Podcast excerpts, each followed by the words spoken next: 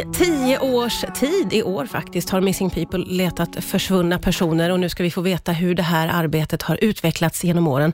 Säger välkommen hit till Jörgen Olsson som är verksamhetsledare i Stockholms regionala avdelning. Tack. Eh, om vi går tillbaka till för tio år sedan, då, hur började allting? Ja, det började faktiskt lite före tio år sedan. Ja, det är så? Ehm, Det började som en ren spontan insats i Göteborg för 11 år sedan.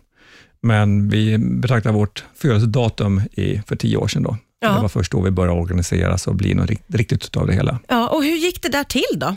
Ja, det var egentligen, det började med att man konstaterade att det var ett försvinnande och grannar och vänner kände att ja, men, vi måste hjälpa till, för det finns inte resurser som går ut och letar. Nej. Eh, och eh, nu har det gått tio år. Hur jobbade ni i början och hur har det här arbetet utvecklats skulle du säga? Ja, I början var det glada entusiaster och Ja. det, det är det fortfarande, men skillnaden är att under de här tio åren har vi lärt oss mycket metodik, vi har lärt oss hur vi ska jobba, både i sökoperationer, men vi har också förändrats ifrån att vara en ren sökorganisation till också att vara lika mycket en anhörigorganisation. Och där vi då lä- har lärt oss väldigt mycket hur vi jobbar tillsammans med anhöriga för att stötta dem i många gånger kanske den svåraste sitsen har varit i sitt liv. Ja, ja, ja, så det har också blivit en del av att liksom ta hand om de som sitter och väntar hemma? Ja, och den är minst lika stor. Ja, det är klart det. Du, eh, hur många är det idag då som är med och jobbar och, och volontärer i, i den här organisationen? Ja, det är lite beroende på hur vi räknar. Vi brukar säga att vi har 350 stycken professionella volontärer. Det är ett väldigt konstigt uttryck, men det är de, vi som är organiserade och leder och planerar sökinsatser. Sen utöver det har vi egentligen, vi har ungefär 70 000 personer i vårt skallgångsregister, spritt över hela Sverige. Och vi har en väldigt många supportrar som mm, följer oss på Facebook. Ja, just det. Eh, Ett försvinnande hos oss brukar ses någonstans mellan 300 000 upp till 1,5 miljoner som ser efterlysningen. Och det är väldigt, väldigt viktigt, för det, Facebook är fortfarande en viktigt arbetsverktyg för oss. Ja, och då finns det folk alltså i olika regioner över hela landet så att säga. Ja, vi är uppdelade i ett 20-tal regioner där vi har då lokal anpassning och där vi gör våra insatser lokalt. Vi har allihopa lokal kännedom där vi jobbar. Så. Ja, just det. Och hur går det till då när ni får ett larm? varierar väldigt, väldigt mycket. Vi har en spannet på vilken typ av försvinnande vi har väldigt stort. Eh, Det kan vara allt ifrån ett akut försvinnande när vi går in och jobbar direkt under polisen, där polisen leder oss eh, Okej. i en räddningstjänst som det kallas för. Ja, Men sen kan det vara andra försvinnanden där en, en äldre dement dam kanske försvinner, men det är inte akut. Det beroende på väderlek och liknande. Men sen har vi en väldigt stor grupp också, där jag kallar mental ohälsa inblandad. Den har växt väldigt mycket på senare tid också. Där det kanske inte är ett klassiskt det här med att man går ut i skogen och går vilse, utan man mår dåligt och håller sig undan, men är borta i någon bemärkelse fortfarande. ja, just det. Och då gissar jag att det är olika sätt att arbeta på utifrån vad det är för Väldigt mycket. fall då naturligtvis. Sen skiljer det naturligtvis om vi är i storstan eller om vi är ute på landet. Ja. Eh, om man, de flesta som tänker Missing People tänker en skallgångskedja. Ja, verkligen. Det är det man ser framför Ja. sig. Och Det är inte helt fel, men det är bara ett av verktygen vi har.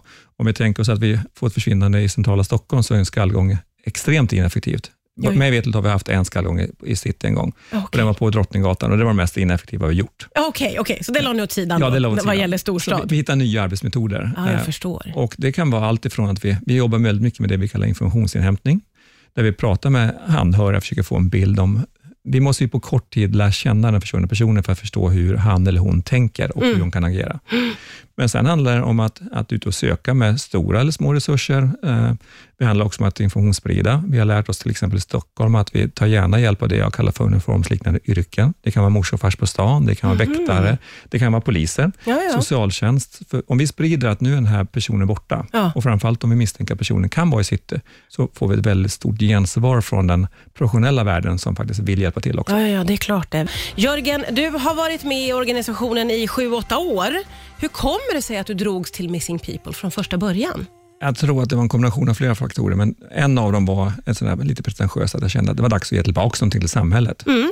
Men sen har vi också en annan faktor i att min pappa var dement och var försvunnen vid två tillfällen och hittades med av tillfälligheter.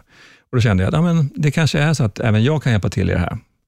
Så därifrån, från tanken till handling gick det lite grann emellan. Ja. Men en, sen en fredagkväll så kom smset som att det var försvinnande ute på Värmdö och jag kände, jag har inget bättre för mig. Beck-filmen har jag sett. Ja. Nu åker jag. Okej. Och det var nog kanske mitt bästa beslut någonsin. Varför då? Vad var det du fick uppleva då?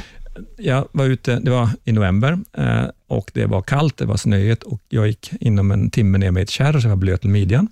Men ändå, man skulle kunna tro att allting slutade där.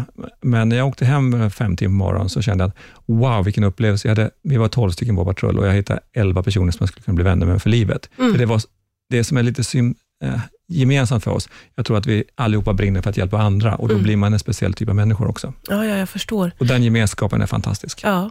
Hur är ert samarbete med polisen? Idag är det jättebra. Eh, Vi har ett tätt samarbete och vi är uppskattade, men vi har också lärt oss vad vi ska göra och vad vi inte ska göra. Eh, Vi ska inte och pol- göra polisiärt arbete. Utan, Var det lite så i början, att ni inte hade hittat era roller lite? ja, det skulle jag säga. Vi Ja. var nya, och, men även för polisen var det nytt att, att det kom in en ny aktör i det här. Men idag funkar det jätte, jättebra. Ja. Och hur finansieras den här verksamheten? Eh, Vi, till skillnad från vad alla tror så har vi inga statliga medel. Vi finansieras uteslutande på gåvor och därför är vi extremt stolta att eh, 2017 tror jag var, fick vi vårt 90-konto, det vill säga att vi är under svensk insamlingskontroll Ja, just det. och har väldigt hård kontroll på hur våra pengar används. Ja. Och Den vägen är den vi finansierar. Eh, Vi får gåvor av mm, frivilliga eh, medmänniskor, till viss del från gå- eh, gåvor från företag också. Just det är, det. det vi har en väldigt liten budget om man, mot vad man tror när man ser oss i, i olika sammanhang. Ja. Jag är nyfiken på, Jörgen, vilken typ av fall minns du? Vilken typ av fall är det som liksom följer med dig, skulle du säga? Eh, Det är en blandning. Det är både de vi kallar för tragiska avslut, men också de med glädjande avslut. Eh, Och kanske förvånande så är de många gånger de tragiska avslut man bär med sig och det är för att man kommer så nära de anhöriga och får vara med och faktiskt ge dem ett svar. För som anhörig eller närstående till en försvunnen, så det är absolut svårast att inte veta vad som har hänt. Mm. Och Då har vi ofta en viktig faktor att faktiskt kunna hjälpa dem att få ett svar. Och eh, många, Flera av de fall jag kommer bära med mig resten av livet är just där man ser de anhöriga äntligen få ett svar. Mm. Men sen är det naturligtvis också att kunna hjälpa mamman att få hem sin son i, i ett bra skick, eller i alla fall levande skick, Mm. är otroligt viktigt. Är en, man möter en tacksamhet som knappt går att förstå. Eller jo, det går att förstå. Man inser liksom att ja, men de hade nästan gett upp hoppet och sen kan vi ringa och säga han är hittad, han mår bra. Men hur är det att ge sig ut då, rent konkret, när man inte vet vad man ska hitta? Eh, både för oss som är professionella volontärer och de som kommer ut och hjälper oss att leta som fri- frivilliga. Vi pratar rätt mycket om att vara mentalt förberedd för, vi ska vara, hoppas på det bästa men planera för det värsta. Och det, det är lite det det handlar om, att man, man måste mentalt tänka också, är jag beredd på om det värsta, tänk bara, mm, vi hittar det värsta, tänk bara att vi är, är, är där och kan för, hantera situationen. Mm. Men vi pratar mycket om det, vi har väl också aktivt debriefing eller avlastningssamtal i de fall det behövs.